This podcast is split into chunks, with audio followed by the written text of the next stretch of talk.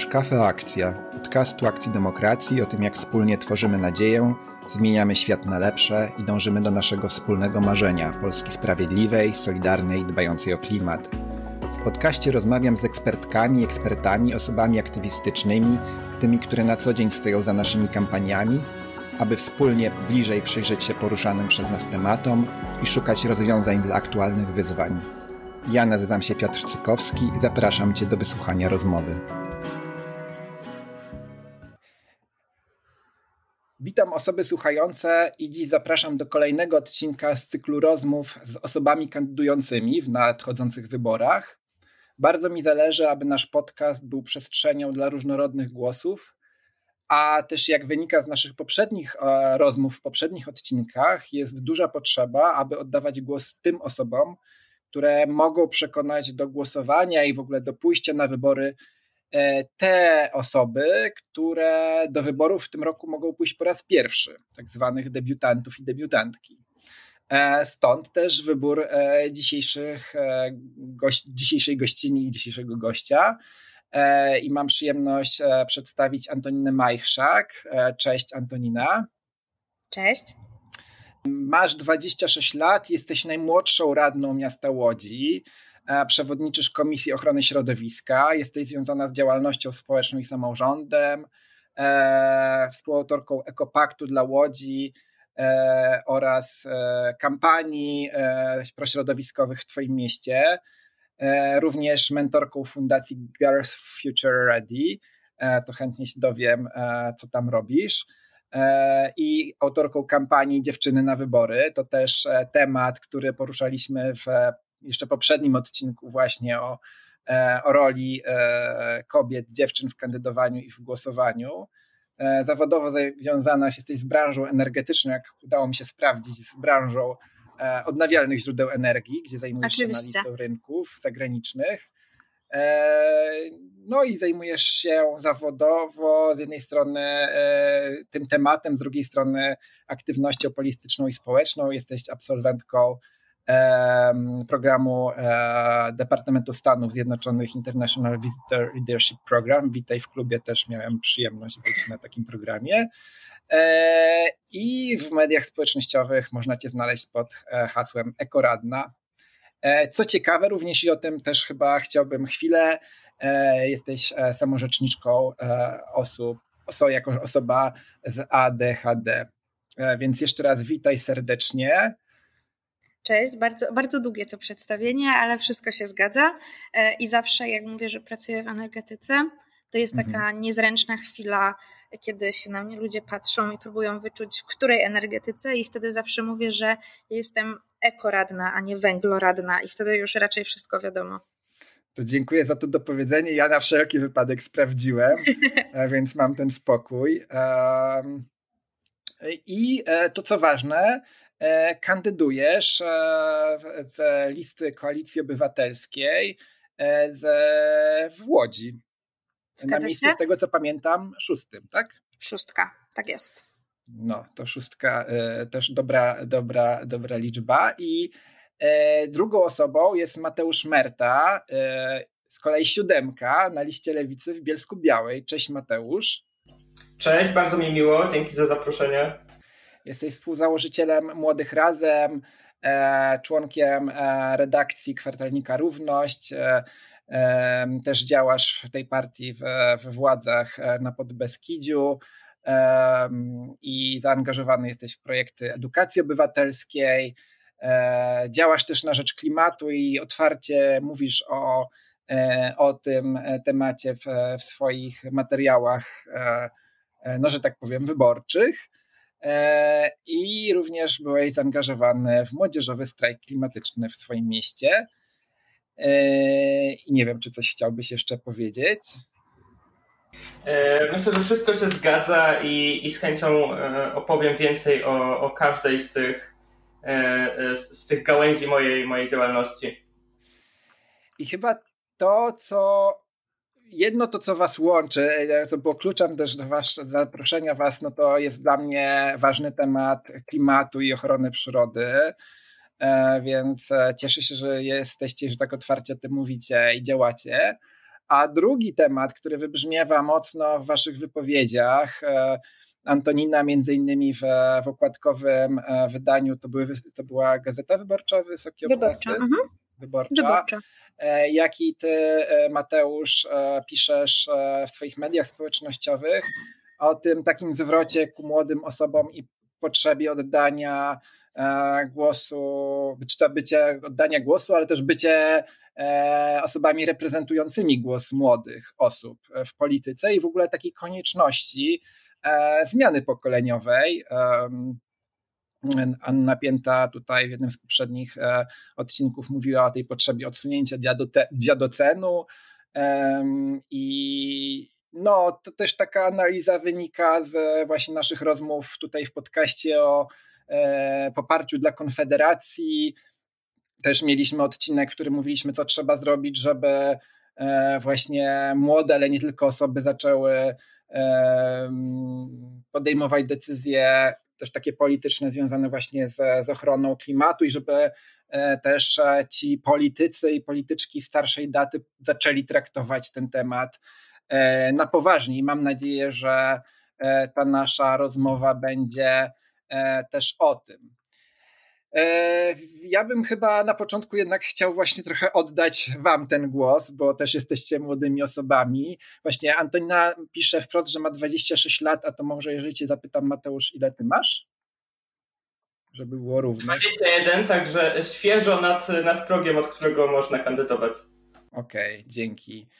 E, Antonina, Ciebie zapytam e, o pociągnięcie tych wątków e, wspierania, wspierania dziewczyn w zaangażowaniu politycznym, o tym, jaka, jaka Tobie przyświeca intencja w decyzji o wchodzeniu w tą wielką politykę, właśnie kogo chcesz przekonywać, do kogo chcesz mówić. No i też e, od razu wiem, że to jest rozbudowane pytanie, ale zadam e, to, jak e, się masz z tym łączeniem polityki z tą funkcją samorzeczniczą życia za DHD, bo wydaje mi się, że to jest ważny wątek, też taki emancypacyjny, który coraz mocniej pojawia się w przestrzeni publicznej. Czy to też jest jakaś grupa osób, które sądzisz, że nie są reprezentowane i warto, żeby ich głos został usłyszany? Pewnie, dziękuję Ci za to pytanie. Ja na pewno nie od razu postawiłam się w roli eksperckiej i w roli osoby mentorskiej. Przyszło to trochę z czasem, ale przyszło też bardzo wcześnie, bo jak się okazało, po tym jak zdobyłam mandat radnej no, w trzecim największym mieście w Polsce, w Łodzi, mając 21 lat i będąc dziewczyną tak zwanego poza układu, Moi rodzice nie mają absolutnie nic wspólnego z polityką, żadnych tutaj układów rodzinnych, żadnych, nic z tych rzeczy. Po prostu wynikało to z czystego jakby aktywizmu, który uprawiam 10 lat i też jakby dużej dawki zaufania mnie, jako młodej dziewczynie wtedy. To z czasem zaczęły do mnie spływać bardzo motywujące mnie głosy, że jestem takim żywym przykładem dla innych młodych osób, że się da i że można. E, I na wielu różnych e, spotkaniach, e, czy potem już na przykład na kampusie, czy innych, jakichś też takich sytuacjach czysto towarzyskich, dostawałam feedback pod tytułem Antonina, powiedz jak to zrobiłaś i powiedz co my możemy zrobić, jakby bazując na Twoim doświadczeniu, żeby nam też się udało. I wtedy też pojawiły się możliwości tego, żebym w tych programach mentorskich brała udział. Najpierw to była Fundacja Girls Future Ready, gdzie pracowałam e, z dziewczyną, która chciała się zaangażować w swoim e, samorządzie lokalnym.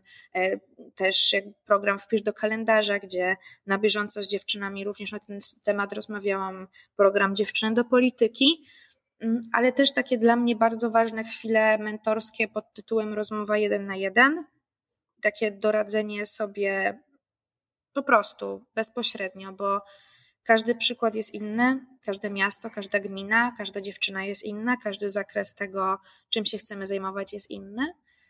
I często jestem właśnie pytana, po co w tej polityce jestem, co mi to daje i co mnie też gdzieś tam utrzymuje na tym, żeby się nie wypalić, bo bardzo łatwo w polityce jest się wypalić. I to są właśnie te dla mnie totalnie wzruszające momenty, kiedy chociażby na kampusie podchodzi do mnie dziewczyna, która mi mówi, że obserwuje mnie na Instagramie i dzięki mnie przymierza się do tego, żeby startować w wyborach samorządowych wiosną, czy ktoś, kto do mnie napisze i mi powie: Słuchaj, robisz mega dobrą robotę, jakby jesteś dla mnie inspiracją. I to nie jest kwestia tego, że się tym chwalę, tylko to jest kwestia tego, że można, że się da i że można być dla innych przykładem, robiąc dobre rzeczy. I to jest dla mnie najcenniejsze z tego wszystkiego.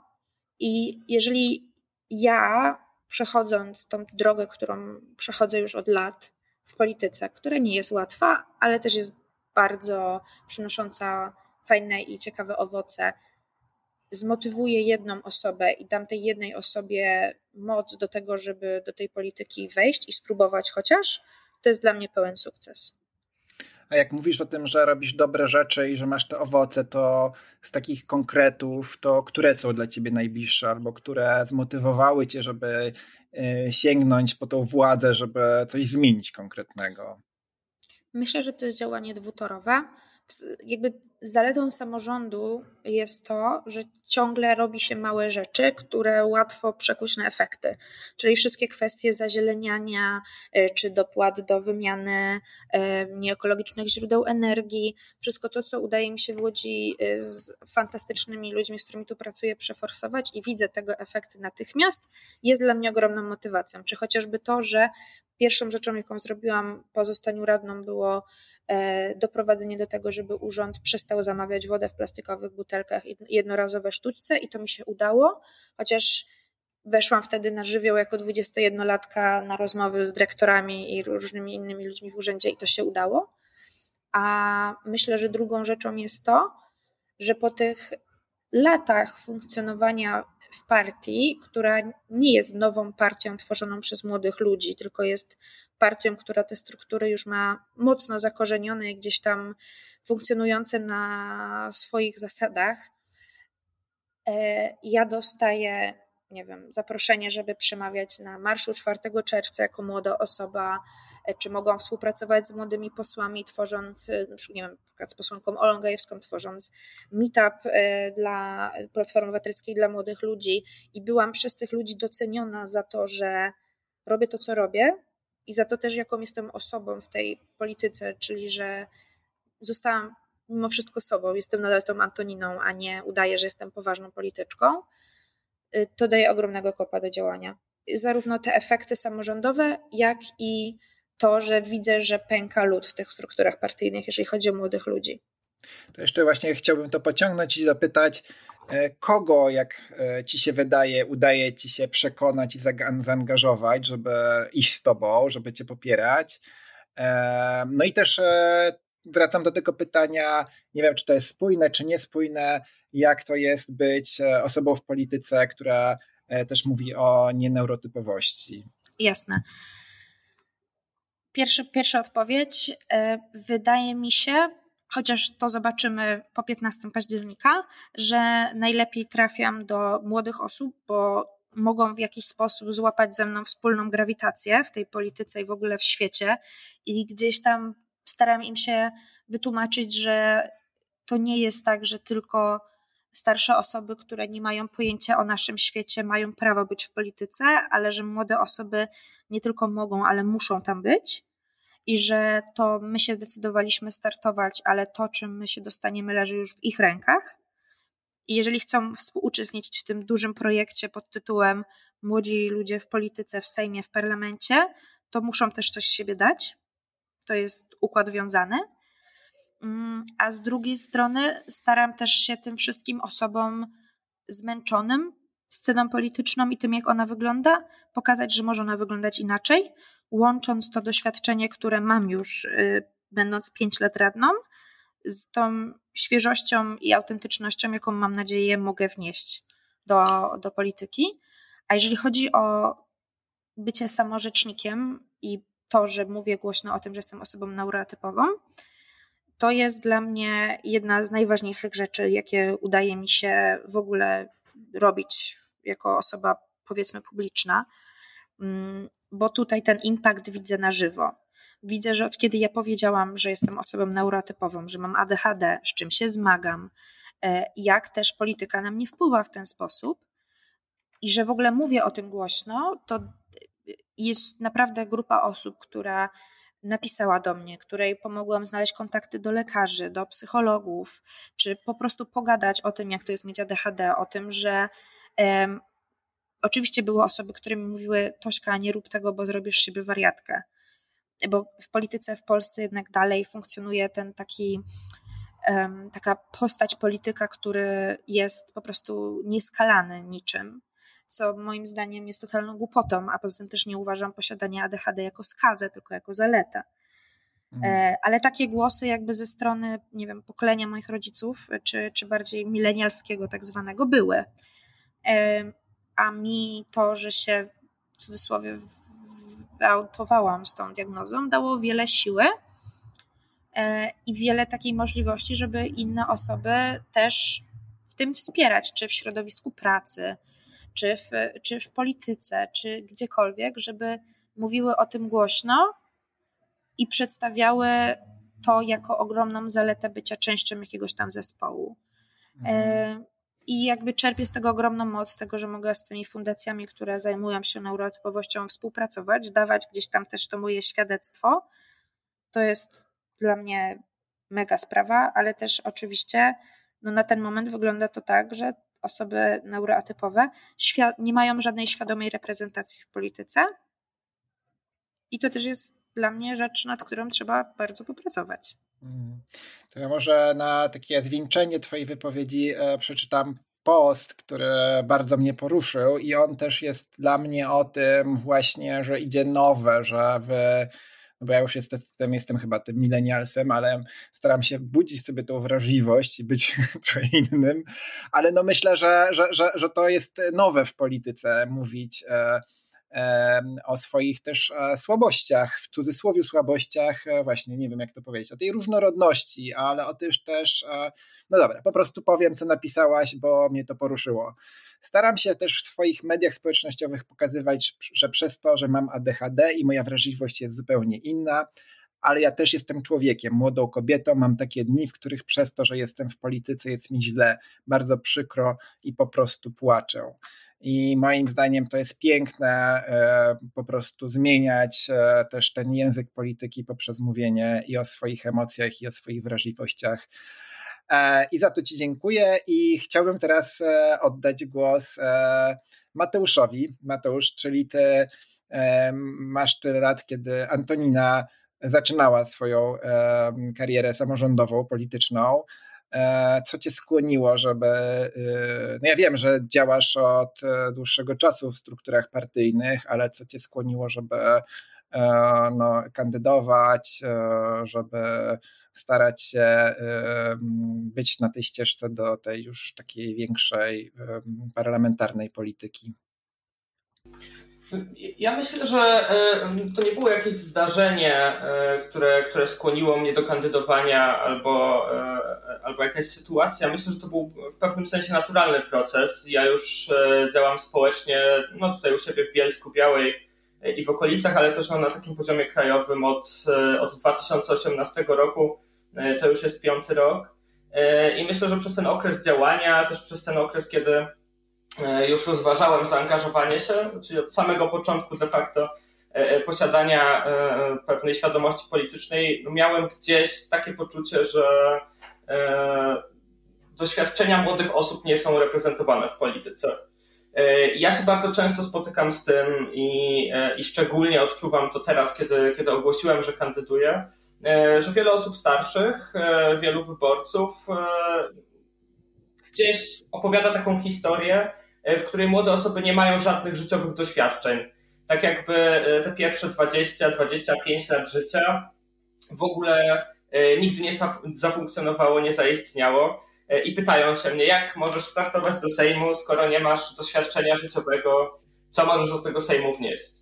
E, I obserwując te, te, te, teksty, które i otrzymywali moi znajomi, które ja otrzymuję od samego początku, od, od osób gdzieś w otoczeniu, od osób e, e, właśnie w internecie, no miałem takie poczucie, że chciałbym, żeby polityka też opowiadała tą historię, z jaką mierzą się młode osoby. to znaczy, że najpierw mają bardzo ciężko e, w naszym bardzo przestarzałym i bardzo autorytarnym i trudnym systemie edukacji. E, to, że mają coraz trudniejszą z każdym rokiem ścieżkę wejścia w dorosłość. Ja mam 21 lat, wyjechałem e, do dużego miasta na studia, bo studiuję w Warszawie.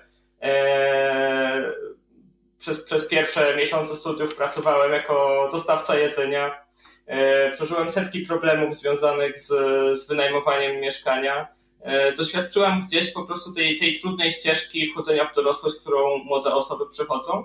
I myślę, że te problemy, z którymi się borykają, e, nie są reprezentowane, że e, traktowane są jako naturalny etap życia. To, że na przykład młode osoby w Polsce mają niestabilne zatrudnienie, że e, płacą te wysokie ceny za mieszkania i nie stać ich na, na, na dobry wynajem, że, że późno dopiero mogą de facto się usamodzielnić, że to jest naturalny etap, bo muszą popracować, żeby coś dostać.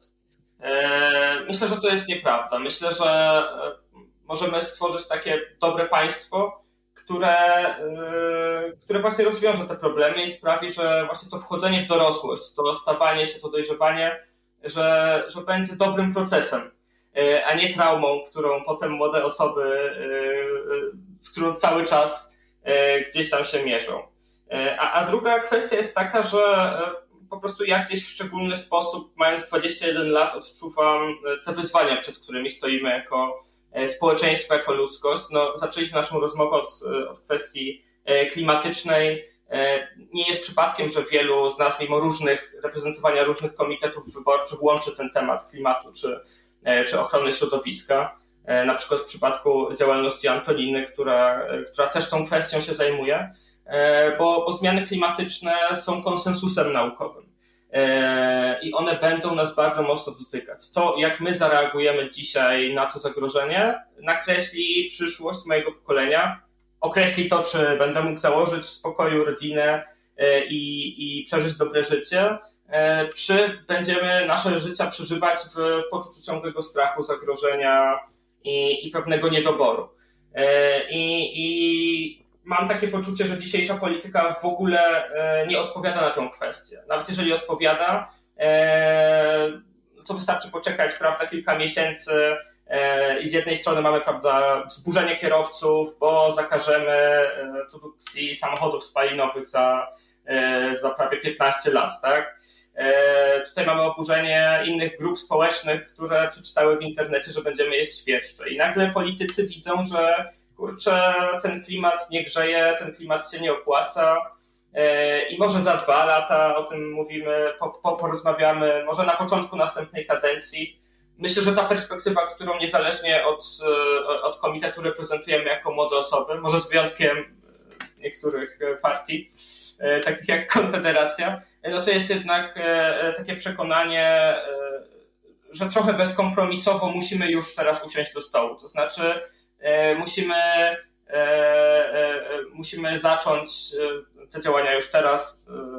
Państwo musi stworzyć regulacje, które umożliwią stworzenie bezemisyjnej gospodarki, że musi stworzyć nową energetykę, że musi nakreślić przyszłość dla tych regionów, które dzisiaj są oparte na węglu, na tej skarbonizowanej gospodarce, bo za dwa, za trzy lata te regiony nie otrzymają już na przykład środków, które umożliwiłyby im przejście powiedzmy suchą stopą przez proces zielonej transformacji. E, więc, więc to są takie, takie, takie kwestie, które e, właśnie są unikalne dla nas jako młodych osób e, i, i szczególnie istotne. I myślę, że nie są reprezentowane i to sprawia, że ja mam motywację, motywację do działania i, i taką chęć opowiedzenia pewnej historii też w swojej kampanii. Pewnie. Dziękuję i chciałem Cię jeszcze dopytać, do kogo Ty chcesz mówić, bo mówisz jakby o swojej motywacji wejścia i ja ją totalnie podzielam. Mm, tylko zastanawiam się, jak to jest, że no właśnie ci politycy starszej daty nie widzą albo nie słyszą tej potrzeby, albo z jakiegoś powodu nie chcą tego tematu poruszać. No i też mamy na to, i tu jestem bardzo ciekaw Twojego zdania, badania raportu debiutanci, że okazuje się, że po tym takim no, fali, na której też rozumiem, że ty się zaangażowałeś jak młodzieżowe strajki klimatyczne, obecnie klimat dla wielu młodych osób no nie jest takim wyborem numer jeden. Mnie to dziwi i nas w akcji też dziwi, ale no bardzo trudno jest z tym tematem przebić się. Tak, e, zgadzam się, zgadzam się, że to jest e, wielki problem. Ja e, widzę to na co dzień, co, co w tym rapor raporcie się, się zawiera. Wydaje mi się, i ja trochę mam też takie podejście do tego, e, szukając w tym wszystkim jakiejś, e, jakiegoś pokrzepienia, że jednak taka masa krytyczna zrozumienia tych kwestii klimatycznych Aha. jednak wyniknie z lokalności e, i, i z sumy takich lokalnych problemów. Bo ja myślę, że, że taki największy problem, który jest w opowiadaniu klimatu, to jest właśnie wielkość tej opowieści. To znaczy, nawet my w ciągu niespełna 20 minut tej rozmowy poruszyliśmy już temat energetyki, E, teraz temat rzek, e, prawda, wycinek, e, ocieplenia klimatu jako takiego. To jest, to jest bardzo wiele zdarzeń fizycznych, gospodarczych, procesów, społecznych przemian, które trudno jest, trudno jest opowiedzieć i, i ma, myślę, że w takiej opowieści, która idzie z góry do dołu, ludziom może się wydawać, że tak, to jest jakaś ogromna agenda E, obcych, e, obcych nam sił i ona nam w jakiś sposób zagraża i jest niezrozumiała. E, natomiast jeżeli popatrzymy na opowiadanie tego klimatu od dołu do góry, to myślę, że ludzie zaczynają dostrzegać pewne problemy i że w takich intuicjach ludzkich ten temat ochrony przyrody, ale też klimatu jest bardzo ważny. Na przykład u mnie w Bielsku Białej mm, jest coraz więcej osób, które przychodzą na spotkania, które E, e, no teraz niestety mamy, e, mamy przerwę w związku z intensyfikacją politycznych działań, ale, ale organizowaliśmy jako młodzieżowy strajk klimatyczny takie spotkania filmowe i dyskusyjne na temat klimatu. I przychodziło na nie coraz więcej mieszkańców w każdym wieku, każdej profesji, z bardzo różnych miejsc z miasta, które po prostu chciały przyjść i podyskutować z taką wielką otwartością. I te osoby też w coraz większej liczbie angażują się w takie działania, E, które dotyczą na przykład e, poszczególnego, e, poszczególnego aspektu tych kwestii klimatycznych. No u mnie w Bielsku Białej to jest kwestia wycinek drzew, bardzo istotna. PKP, które, które zajmuje się, reklamuje się jako spółka dążąca do neutralności klimatycznej, no jest, jest po prostu wielkim zakładem drzewnym, można by powiedzieć, i w całej Polsce wycina tysiące, setki drzew przy, przy torach. Tak samo jest w Bielsku Białej no, setki drzew właśnie do wycięcia e, zostały przeznaczone w samym ścisłym centrum Bielska Białej, e, gdzie, gdzie są to najważniejsze, najważniejsze drzewa, które są trwale po prostu w krajobrazie miasta. No, kiedy ludzie o tym usłyszeli w 2019 roku, e, no to natychmiast zawiązały się grupy społeczne i zaczę, mieszkańcy, mieszkanki zaczęły działać na rzecz właśnie, właśnie zablokowania tych, tych szkodliwych pomysłów. I od 2019 roku ten pomysł wraca. E, ale nam się go cały czas udaje blokować. I tutaj na przykład e, mamy różne stowarzyszenia, e, Bielszczanie dla drzew, mamy takie stowarzyszenie, stowarzyszenie takie dzielnicowe, stowarzyszenie Olszówka, przypadkowi mieszkańcy, my jako partia razem spotykamy się i wypracowujemy wspólnie strategię tego, jak przeciwdziałać tej sytuacji. Blokujemy te wycinki, i faktycznie udaje nam się chronić drzewa. Potem, kiedy już rozmawiamy, kiedy buduje się jakaś taka sieć powiązań e, i, i znajomości między nami wszystkimi w mieście, no to nagle okazuje się, że kurczę, tych problemów widzimy więcej e, i może coś z tym trzeba zrobić. Może jednak ta polityka powinna być bardziej zielona, mm, może prezydent i radni prowadzą złą politykę i może tam powinniśmy zanieść jakąś zmianę. E, i, i zaczynają powoli doczepiać do tej swojej na przykład walki o drzewa i troski o to, że e, w moim mieście nagle będzie pustynia i patelnia, do tego strachu zaczynają doczepiać inne, inne walki, które też uznają, że są po prostu istotne. I, i, i u nas w mieście widzę pewne, e, pewne zainteresowanie kwestią klimatyczną, która nie ogranicza się, nie redukuje się już tylko do ochrony przyrody, ale dotyczy też takiego dużego procesu budowy neutralnej klimatycznie e, Polski i, i, i takiej konsekwentnej, realnej zielonej polityki. E, więc e, bardzo chciałbym upatrywać nadzieję w takim odrodzeniu lokalności i, i, takiego jakiegoś etosu po prostu lokalnego działania na rzecz naszej społeczności, wspólnoty. Myślę, że, że te wyzwania, które będą stały przed tymi regionami, które będą przechodzić transformację klimatyczną, ale też przed wszystkimi miastami, które się mierzą na przykład z betonozą w Polsce, że, że będą powstawały takie małe masy krytyczne, a naszym zadaniem już e, jako polityków, e, czy, e, czy mediów, dziennikarzy jest próba ubierania tego w jakąś, w jakąś spójną opowieść, ale, ale myślę, że kluczowa jest ta lokalność, to bycie z ludźmi, to wsłuchanie się w ich problemy, wsłuchanie się w ich intuicję, bo ludzie nie są przeciwko kwestii klimatycznej.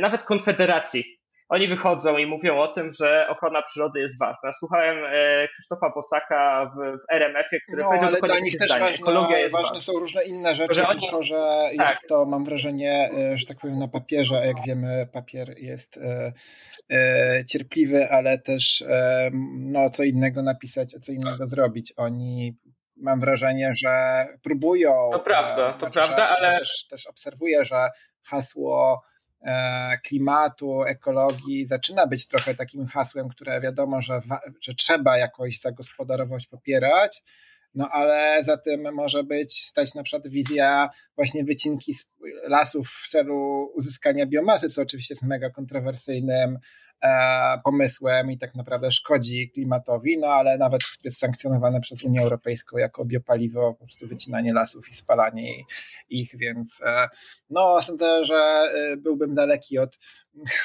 chwalenia i rozumiem, że tego też nie miałeś na celu.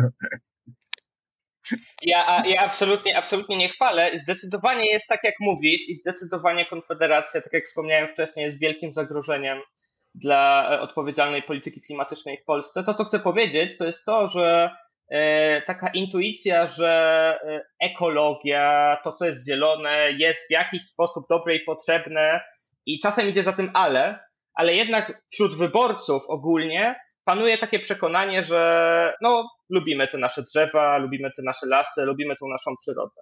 Naszym zadaniem jest to, żeby dobre osoby były przy tych ludziach i dobre osoby, które faktycznie rozumieją kwestię klimatyczną, hmm. były w stanie zagospodarować te intuicje. E, bo, e, e, bo oczywiście one mogą być wykorzystane również, również w złym celu, ale, ale będą. I, i, I myślę, że nikt nigdy nie powie w polityce, że wycinajmy, niszczmy. Zawsze będzie do tego jakaś opowieść uzasadniająca. No, wydaje mi się, że, przepraszam, że wejdę ci słowo, ale że partia pana Zbigniewa Z właśnie e, uprawia taką politykę, próbując na wszelkie sposoby e, uzasadnić no, rzeź drzew, która się odbywa i lasów, która odbywa się w Polsce. Chyba, chyba chciałbym tutaj też trochę dać głosu Antoninie, bo to też jest mocno twój temat. Jeszcze będzie możliwość wrócenia. Jak ty widzisz ten temat w, w polityce, bo już troszkę dłużej jesteś też, ale no pewnie co innego właśnie masz pewnie dużo tego doświadczenia, o którym też mówił Mateusz, takiego lokalnego działania, ale chciałbym spróbować e, przenosić tą naszą rozmowę na tą e, wizję polityki krajowej.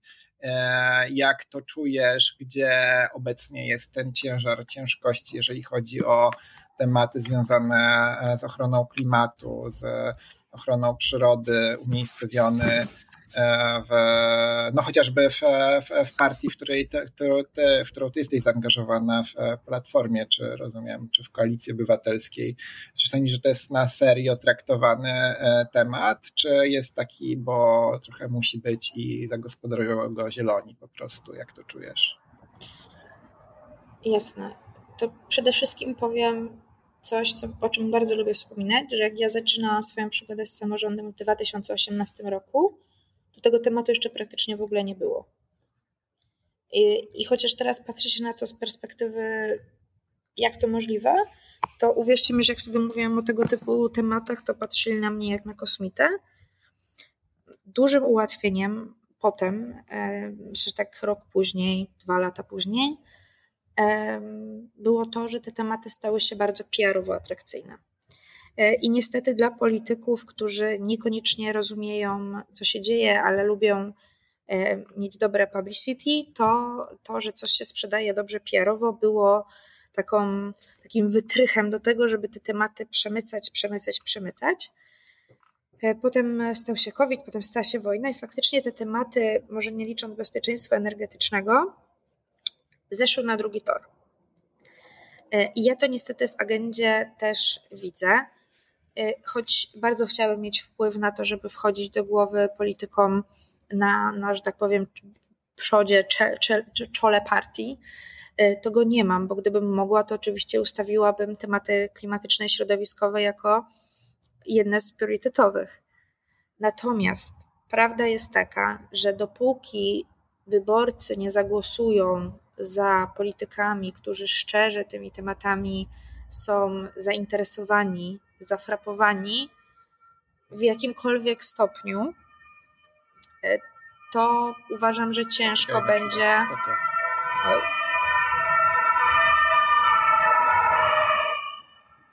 To uważam, że bardzo ciężko będzie właśnie ustawić te tematy na przodzie agendy.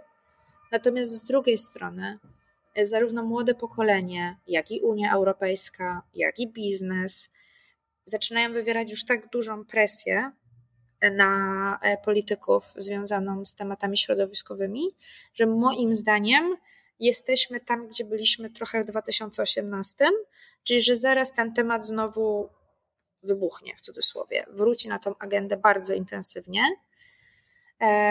I tak jak czytałam ostatnio książkę Aktywna Nadzieja o tym, żeby mieć tą nadzieję cały czas i cały czas też robić coś, co nas przybliża ku spełnieniu e, tych e, naszych postulatów i tego, o co walczymy, to ja mimo wszystko mam nadzieję, że doszliśmy już też głosem wielu ekspertów do poziomu, kiedy politycy, którzy może niekoniecznie ten temat czuli, bo nie jest dla nich naturalny, mają już chociażby z tyłu głowy, że muszą go mieć na uwadze. Co już jest bardzo ważne, bo jak mają go z tyłu głowy przy podejmowaniu decyzji, to jest szansa, że jeżeli paru, parę takich głosów z tyłu głowy się zbierze, to te aspekty prośrodowiskowe i proklimatyczne będą w tej agencie. Może nie tak, jak ja bym chciała, czy jakby chciał Mateusz czy ty, e, ale to też jest proces.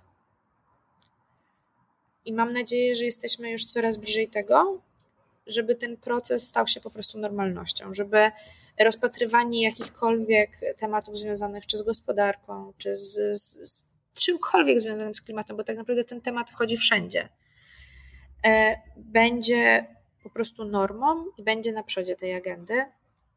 Czy jestem w stanie ocenić, na ile to jest wszystko w, w partiach politycznych mówione z głosu serca czy z głosu rozsądku? Nie jestem, ale tak jak mówię, mam nadzieję, że, że jednak jest to też i głos serca, i rozsądku. Mm, I mam nadzieję, że w przyszłej kadencji doczekamy się coraz to więcej polityków, którzy będą forsowali tematy e, związane z ochroną środowiska i walką ze zmianami klimatu.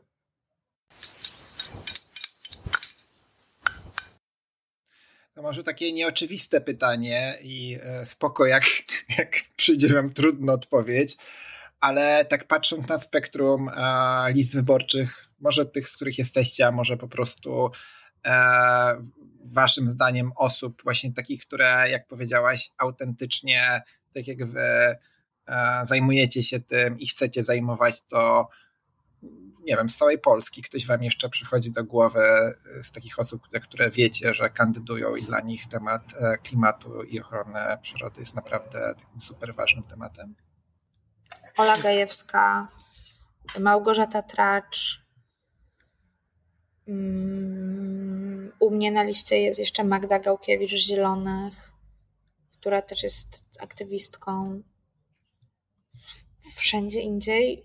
Powiem Nie, no ci, spoko, że... już wiesz, jest jakaś, jakaś, e, jakaś pula szersza, bo też wiecie, no. E, a Mateusz, ty, przepraszam, bo jak, jak ty byś był w stanie wymienić takie osoby? A jeszcze Aleksander Miszalski z Krakowa, zapomniałam.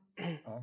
Ja w Krakowie to bardzo, bardzo polecam obecną posłankę Darię Gosek-Popiołek, E, która e, i pomagała nam jako, jako młodym walczyć o, o edukację klimatyczną e, w Sejmie, ale też która codziennie jest na, na takim froncie walki po prostu z, o, o ochronę środowiska, ochronę rzek.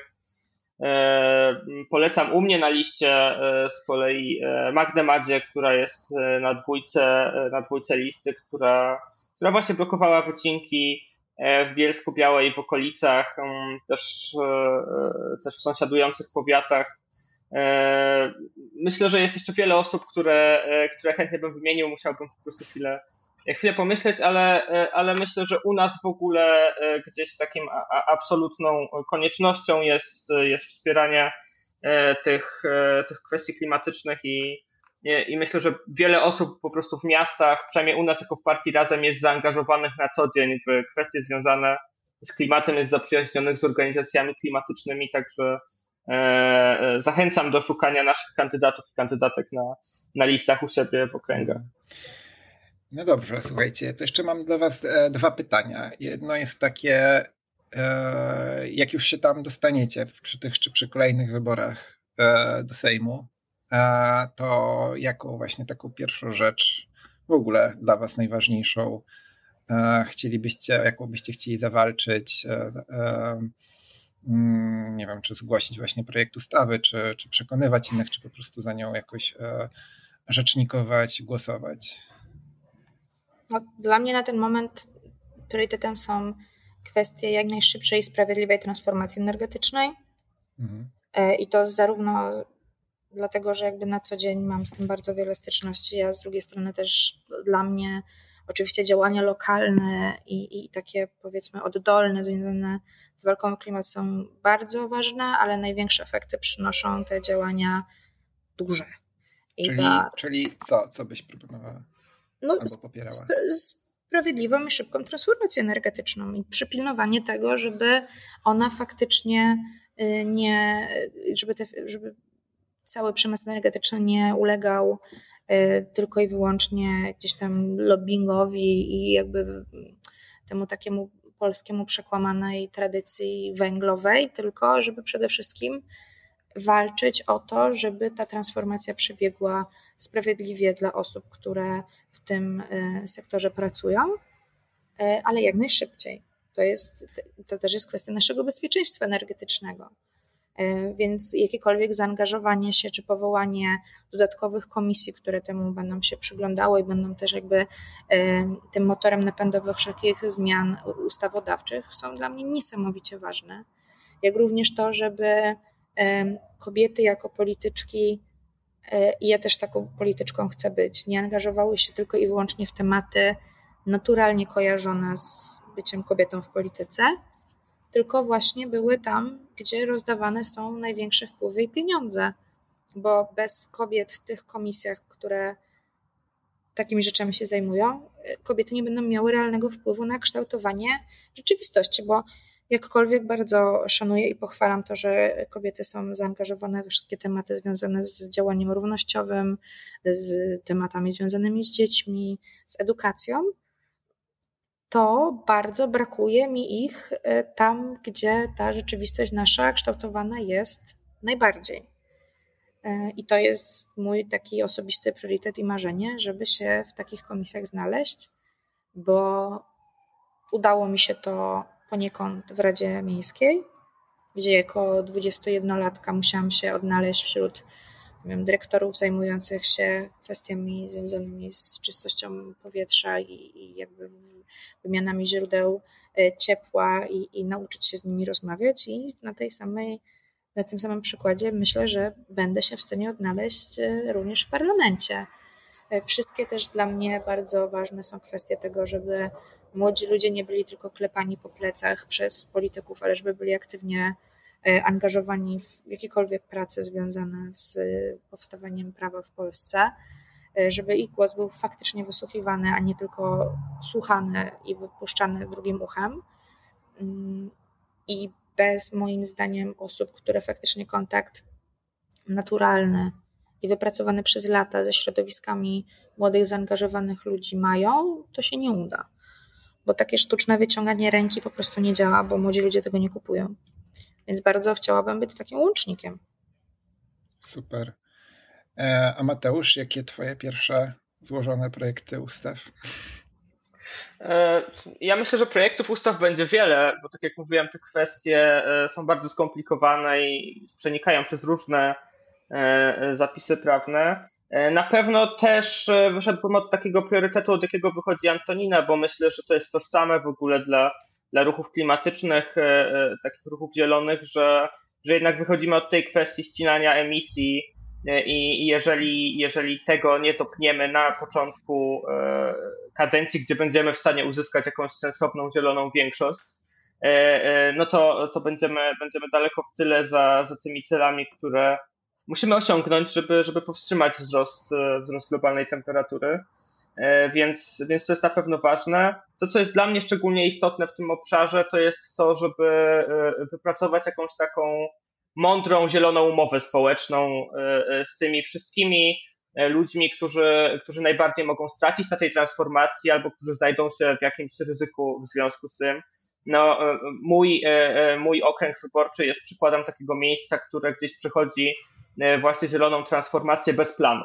E, to znaczy, my mamy wielki przemysł samochodowy w Bielsku Białej, z miasto znane ze słynnego Fiata 126P, Malucha e, i, i tysiące, kilkanaście tysięcy pracowników w mieście jest zatrudnionych w przemyśle samochodowym, który się zwija.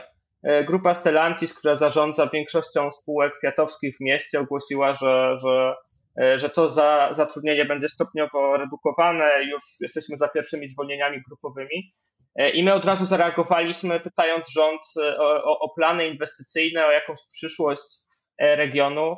Nie było żadnego dialogu z pracownikami, nie było żadnego dialogu z samorządem, żadnych szacunków rządu dotyczących bezrobocia, dotyczących skutków społecznych, mimo iż te zakłady znajdują się w, w specjalnej strefie ekonomicznej, E, e, a więc, a więc są w pewnym sensie pod, e, pod kontrolą także rządową, więc to jest najważniejsze w tej transformacji, żeby ona była prowadzona w takim dialogu z mieszkańcami, z samorządami, żeby była gdzieś, gdzieś takim procesem wspólnego określania nowej, bardziej zrównoważonej przyszłości dla, dla tych regionów najbardziej, najbardziej dotkniętych transformacją. E, to są też takie kwestie właśnie, znów wróciłbym do tej lokalności, to znaczy my walczymy na przykład o wiele rzeczy e, w naszych samorządach, w naszych miastach związanych chociażby e, z betonozą, a tak naprawdę moglibyśmy przyjąć ustawy, które stworzyłyby dobre standardy dla takiego mądrego planowania przestrzennego w miastach, które wymogłyby tworzenie planów zagospodarowania przestrzennego, które uwzględniałyby też cele klimatyczne, adaptację do zmian klimatu, E, więc e, możemy stworzyć dobre prawo dotyczące e, urbanistyki właśnie w Sejmie. To też jest dla mnie ważne i to są oczywiście kwestie związane z ochroną środowiska. Musimy powołać nowe parki narodowe, które od dekad w Polsce nie są tworzone. Musimy zatrzymać abstrakcyjne pomysły tworzenia w Polsce wodnych autostrad, jak to, jak to określa resort żeglugi śródlądowej. E, e, a, a takie pomysły ciągle gdzieś wracają e, chociażby na Odrze czy, czy, czy na Wiśle. Więc być może zamiast zwiększać żeglowność naszych rzek, tak naprawdę zabijając w nich życie i pogłębiając problemy, z którymi polskie rzeki się mierzą, moglibyśmy właśnie też na nich powoływać parki narodowe i, i, i chronić, chronić nasze rzeki. E, to jest oczywiście kwestia powstrzymania wycinek, zwiększenia obszarów, e, które są chronione przed wycinkami, e, zmiana kompletna polityki lasów państwowych, które dzisiaj we wszystkich lasach w Polsce stosują politykę jednak prowadzenia według, według nich jest to zrównoważona gospodarka, czyli która jest w wielu sektorach, a to zrównoważenie polega na tym, że oprócz funkcji przyrodniczej lasy pełnią też funkcję gospodarczą. I to jest definicja zrównoważenia dla, dla lasów państwowych, więc to absolutnie trzeba zmienić. Lasy trzeba chronić, a nie masowo je wycinać i, i zapewniać ich rentowność. Więc, yy, więc to są takie kwestie. No. Od, od takich wielkich kwestii i, jakiegoś dobrego pilotowania tych przemian, które będą się musiały zdarzyć, do, do takich po prostu głupich pomysłów władzy i, i, i instytucji, które, e, które po prostu działają szkodliwie dla środowiska, szkodliwie dla, e, dla klimatu. E, więc trochę powstrzymywania, trochę budowania i, i myślę, że, że Polska wejdzie na, na zieloną ścieżkę i, i że dojdziemy do neutralności klimatycznej. Ja w to mocno wierzę.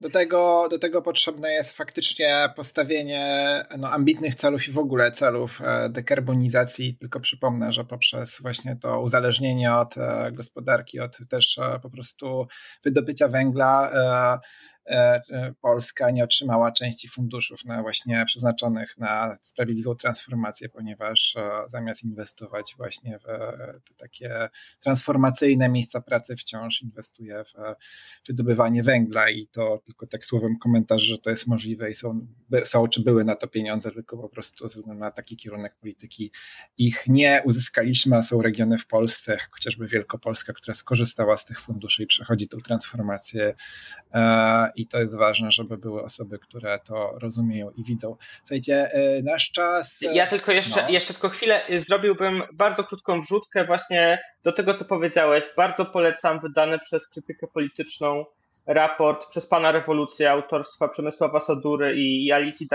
Dańkowskiej, który właśnie opowiada historię tego, jak PGE i rząd oszukiwały mieszkańców Bełchatowa i i sąsiadujących powiatów i jak doprowadziły do, do straty milionów euro na, na sprawiedliwą transformację w regionie, właśnie, właśnie przez brak odwagi politycznej, żeby powiedzieć ludziom, że, że wydobycie się zakończy. Bardzo polecam pozycję. A ważne, żeby powiedzieć, że coś innego się zacznie, bo właśnie łatwo w, ten, w tej dyskusji o klimacie mówić o tym, co trzeba skończyć, a dużo trudniej nam przychodzi mówienie o tym, co dzięki temu możemy zyskać.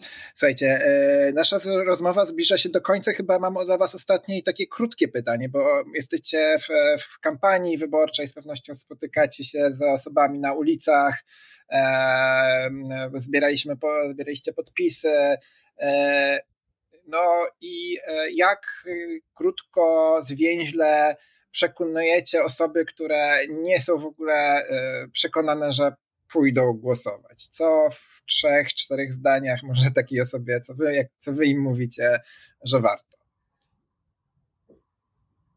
No ja mówię w bardzo prosty sposób o tym, że tyle przede wszystkim jak rozmawiam z kobietami, e, to mówię o tym, że tyle naszych pra, pra, prababć walczyło o to, żeby kobiety mogły głosować, że takiego ich wysiłku i walki o to po pierwsze nie można zmarnować, a po drugie trzeba ten głos niesamowicie szanować, bo on jest ogóle podstawą demokracji, a bez demokracji to też rozmawiam często z osobami, które doskonale pamiętają, jak to było, jak demokracji nie było. Natomiast jak rozmawiam tak ogólnie, to zawsze podaję przykład, że moim zdaniem, jeżeli w wyborach się nie głosuje, to potem nie ma się prawa na to, żeby narzekać na to, jaka rzeczywistość nas otacza. A hmm. że mówiąc pół żartem, pół serio, wszyscy wiemy, że my Polacy bardzo lubimy narzekać, to żeby da dać sobie tą przyjemność, to najpierw trzeba pójść na wybory. A potem dopiero można narzekać. Natomiast mówiąc zupełnie serio, to wydaje mi się, że jest takie wyświechtane bardzo błędne założenie, że ja to nie idę na wybory, bo ten mój jeden głos to tam w lewo czy w prawo, w te czy we w te to nic nie da, które jest tragicznym założeniem i pokazanie, staram się zawsze ludziom tłumaczyć, że pokazanie tego, że ten jeden głos to jest często niesamowicie przeważający w tym, jaki układ polityczny nas dosięgnie, o tym, że na przykład, wiadomo, w wyborach parlamentarnych są zupełnie inne liczby. W wyborach samorządowych mieliśmy przypadek, gdzie bodajże 20 parę głosów zmieniło jakby to, kto dostał mandat. E, I to, jak niesamowicie ważne jest to, żeby każdy wyborca poczuł się super ważną osobą, decydentem, mm. bo taka jest prawda, bo to nam się trochę odbiera. Nikt nas nie uczy tego, jaki każdy wyborca jest najważniejszym elementem tej całej machiny że tu nie chodzi o, o kandydatów i o to, czy my zrobimy 10 banerów czy 15, tylko o to, żeby każdy wyborca, biorąc ten długopis do ręki i stawiając krzyżyk, poczuł się bardzo ważnym, najważniejszym elementem demokracji. I to staram się zawsze ludziom przekazać z różnym efektem. Wiadomo, bo są ludzie, którzy pozostaną nieprzekonani. Natomiast może mi się uda ich przekonać przy następnych wyborach. Mm. Mateusz, a jakie twoje, twoja odpowiedź do nieprzekonanych? Mm, to ja myślę, że ta odpowiedź jest zawsze bardzo, przynajmniej w moim przypadku, zindywidualizowana. E, to, co ja wyznaję, to jest po prostu cierpliwość i, i pewna taka pokora, e, bo ludzie z każdym rokiem, szczególnie teraz, kiedy mamy kryzys gospodarczy, kiedy mamy drożyznę, kiedy ludzie są sfrustrowani, wszyscy noszą w sobie wór frustracji e, i jak staram się po prostu gdzieś e, to przyjmować, ale też słuchać tego, co osoba, która mówi, że nie zagłosuje, ma do powiedzenia. I bardzo szybko okazuje się, że ta osoba mówi, a polityka w ogóle mnie nie reprezentuje, tam się nic nie dzieje, co mnie dotyczy. A potem zaczyna mówić, dlaczego tak uważa jest cała lista postulatów politycznych, z których można by było zrobić program. No to wtedy możemy zacząć rozmawiać i, i powiedzieć, że e, no poczekaj, ale to możemy zrobić w Sejmie, to już zrobiliśmy w Sejmie, bo ludzie też nie śledzą na co dzień polityki, nie śledzą wszystkich druków. E, jest wiele historii i właśnie z jednej strony takich, gdzie powstało jakieś prawo dzięki zaangażowaniu posłów czy posłanek, ale też takich codziennych sytuacji, gdzie interweniowały E, posłowie, czy, e, czy posłanki, czy, czy, czy posłowie, e, gdzie udało się coś zrobić, coś zablokować, albo skłonić do stworzenia czy zbudowania czegoś, jakąś instytucję. I, I te historie często przekonują ludzi, ale to musi być taka rozmowa, która nie trwa minuty na ulicy, która nie jest wceniająca, tylko czasem trwa 20 minut, ale po niej ktoś deklaruje, że tak, ja pójdę na wybory i, i zagłosuję zapisz mi swoje imię i nazwisko, zagłosuję na ciebie.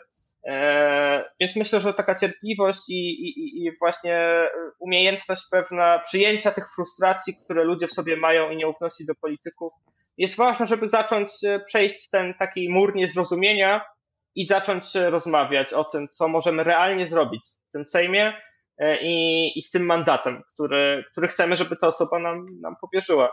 Więc e, myślę, że to jest za każdym razem e, indywidualna historia. Bardzo Wam dziękuję. E, trzymam kciuki za jeszcze ciężką przed Wami kampanię, za Wasze zaangażowanie w sprawę dla mnie i dla akcji bardzo ważną, jaką jest ochrona, ochrona klimatu. No i tak, będziemy kończyć. Bardzo, e, bardzo ciekawa to rozmowa z Wami, e, jakby taka pokazująca, ile, jaką drogę ciężką przeszliście, ile jeszcze macie do zrobienia. E, no więc, mm, więc chcę Wam podziękować. My też dziękujemy bardzo. Bardzo miło było mi z Wami porozmawiać. Bardzo miło mi też było posłuchać Mateusza, który jest dokładnie w tym wieku, w którym ja zdobyłam mandat i, i jakby to jest dla mnie bardzo budujące, że są tacy młodzi ludzie i totalnie trzymam kciuki, bo to jak my tego nie zrobimy, to nikt tego za nas nie zrobi, taka jest prawda. Ja, ja również dziękuję Tobie Piotrze za zaproszenie, a, a Tobie Antonino za, za rozmowę.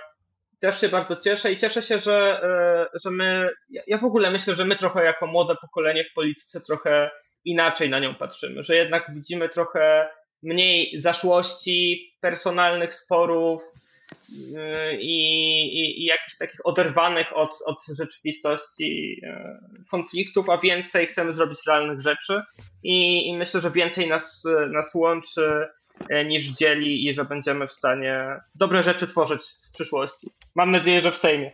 To I z tym, z tym kończymy i, i dziękuję Wam.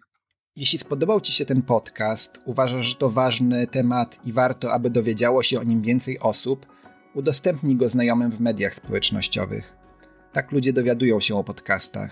Dzięki Tobie więcej osób będzie mogło włączyć się w działania, aby zmieniać otaczającą nas rzeczywistość. Zachęcam Cię także do kliknięcia Obserwuj w aplikacji, z której korzystasz, a jeśli słuchasz w Spotify, zostaw nam 5 gwiazdek oraz napisz, co sądzisz o tym odcinku Możesz też napisać do mnie na adres kontakt małpaakcjademokracja.pl wpisując podcast w tytule wiadomości. Nasz podcast i wiele innych działań Akcji Demokracji powstaje wyłącznie dzięki zaangażowaniu wielu osób, które wpłacają nam choćby niewielką kwotę. Dzięki temu możemy działać skutecznie i niezależnie oraz rozwijać nowe pomysły, jak z progresywnym przesłaniem docierać jak najszerzej. Zapraszam Cię do dorzucenia się. To proste. Wejdź na stronę www.akcjademokracja.pl i skorzystaj z bezpiecznego systemu płatności. I do usłyszenia.